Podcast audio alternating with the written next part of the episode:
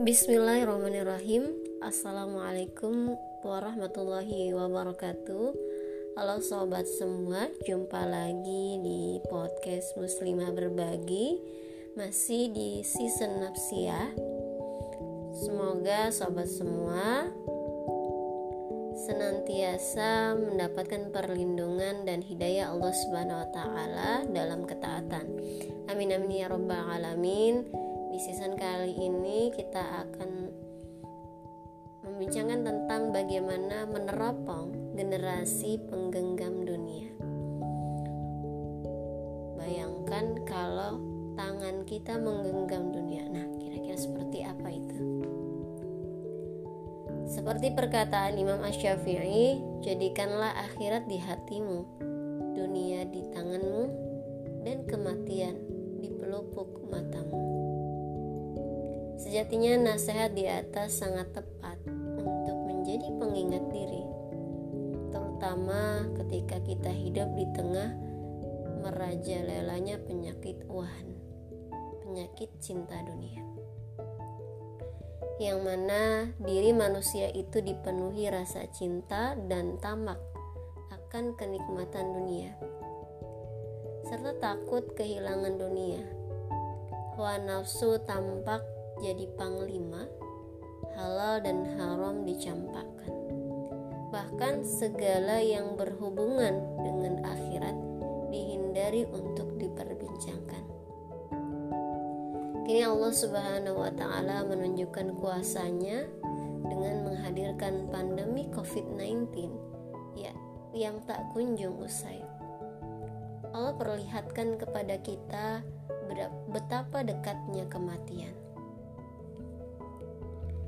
Ironisnya, masih banyak juga yang tak tergetar hatinya. Jangankan mendekat kepada Allah dengan memperbanyak amal soli, Justru mereka semakin sibuk membangun istana rapuhnya dengan memakan hak-hak rakyat, menipu dan menzolimi. Sementara di sisi lain, ada orang yang begitu menjauhi dan menghina kenikmatan dunia. Dia menepi dari hiruk pikuk manusia dan hidup penuh kekurangan. Bagaimana seharusnya sikap kita Tentu saja, sebaik-baik teladan adalah Rasulullah Sallallahu Alaihi Wasallam. Lalu para sahabat, bah begitu pula ketika berbicara mengenai cara terbaik menyikapi, dunia beserta segala keindahannya. Suatu ketika Umar bin Khattab radhiyallahu an melihat alas tidur baginda Rasulullah. Dengan prihatin Umar berkata, Wahai Rasulullah, sebaiknya Anda memakai tikar yang lebih lembut dari tikar ini. Lantas apa jawaban Rasulullah? Rasulullah menjawab, "Apa urusanku dengan dunia? Perumpamaan diriku dengan dunia itu tidak lain seperti orang yang berkendara di suatu hari di musim panas. Lalu ia berteduh di bawah sebuah pohon kemudian ia pergi dan meninggalkannya. Hadis riwayat Tirmizi. Baginda Rasulullah Wasallam mengajarkan kepada kita bahwa dunia itu ibarat tempat persinggahan yang akan segera ditinggalkan. Dengan posisi beliau sebagai kepala negara, tak sedikit pun beliau memanfaatkan untuk kesenangan dunia. Begitu pula sikap para sahabat yang mulia, baik yang kaya ataupun yang tak punya. Mereka tak sedikit pun silau akan harta. Sebagaimana Sayyidah Khadijah radhiyallahu anha, seorang pengusaha wanita yang kaya raya, memiliki dunia di tangannya, tetapi tak sekalipun dunia menguasai hatinya. Sejak baginda Rasulullah Shallallahu Alaihi Wasallam diutus menjadi nabi, ia curahkan semua hartanya untuk mendukung perjuangan dakwah Rasulullah. Lalu siapa yang tak kenal Utsman bin Affan? dan Abdurrahman bin Auf.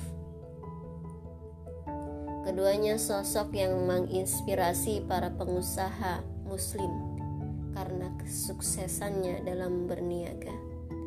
Harta mereka juga berlimpah seakan tiada habisnya. Namun demikian, tak sedikit pun mereka larut dalam kemewahan.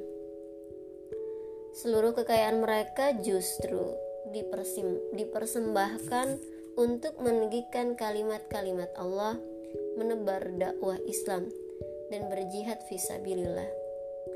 Ada sebuah peristiwa menarik tentang Abdurrahman bin Auf. Tak disangka, ternyata keinginan beliau yang ingin jatuh miskin agar bisa masuk surga terlebih dahulu Abdurrahman bin Auf memuluskan rencananya. Beliau pun memborong kurma busuk dengan harga yang bagus. Qadarullah, seorang utusan raja dari negeri Yaman datang untuk membeli kurma busuk itu sebagai obat penyakit yang sedang mewabah di negerinya. Sehingga Abdurrahman bin Auf pun tak jadi jatuh miskin. Namun tidak semua sahabat Rasulullah Sallallahu Alaihi Wasallam adalah orang kaya. Banyak juga sahabat yang ditakdirkan tak berharta. Mereka tinggal di sufah masjid dan hidup begitu sederhana. Salah satunya adalah Rabi'ah bin Ka'ab radhiyallahu an. Rabi'ah sangat mencintai Rasulullah, bahkan sering membantu beliau saat berwudu. Karena itulah Rasul ingin membalas kebaikannya. Beliau menanyakan kepada Rabi'ah apa yang dia inginkan. Saat itu Rabi'ah sempat berpikir untuk meminta Rasul mendoakannya agar hidup berkecukupan. Namun ia segera menghilangkan pikirannya itu, mengingat bahwa semua kesenangan duniawi maka ia meminta petunjuk agar bisa menemani Rasulullah Sallallahu Alaihi Wasallam di surga. Ya, dunia memang bukan segalanya. Begitulah para sahabat dan generasi terbaik memandang dunia. Bagi mereka, dunia bukanlah segalanya, bahkan dipandang sebagai alat untuk meraih kebahagiaan akhirat. Tiadalah para sahabat itu merasa takut akan kematian, sehingga mereka bersemangat mengikuti setiap momen jihad visabilillah dengan slogan hidup mulia atau mati syahid. Dengan pemahaman yang begitu tertancap kuat, tak heran jika generasi sahabat adalah generasi terbaik khairu ummah.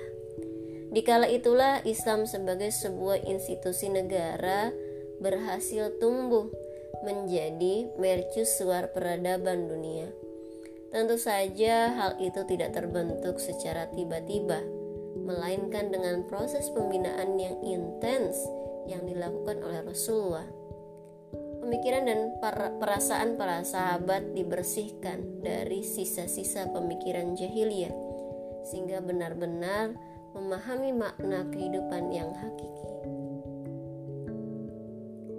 mereka menjadikan syariat sebagai tolok ukur perbuatan. Menjadikan syariat sebagai tolak ukur perbuatan bagi mereka mendapat ridho Allah Subhanahu wa taala adalah tujuan dari kebahagiaan. Kehidupan mereka juga diatur dengan syariat Islam kafah di bawah naungan kepemimpinan Islam. Atmosfer keimanan pun tercipta di tengah masyarakat. Sungguh indah hidup mereka, tak diperbudak dunia, justru mampu menjadikannya sebagai sarana mencapai kebahagiaan yang sebenarnya. Itulah kebahagiaan negeri akhirat yang kekal selamanya. Tidakkah kita rindu mengikuti jejaknya? Semoga kita semua termasuk menjadi bagian orang-orang yang menjadikan dunia berada di genggaman kita, bukan kita yang berada dalam genggaman dunia. Demikian podcast Muslimah berbagi hari ini. Salah hilap mohon maaf. Saya akhiri. Assalamualaikum warahmatullahi wabarakatuh.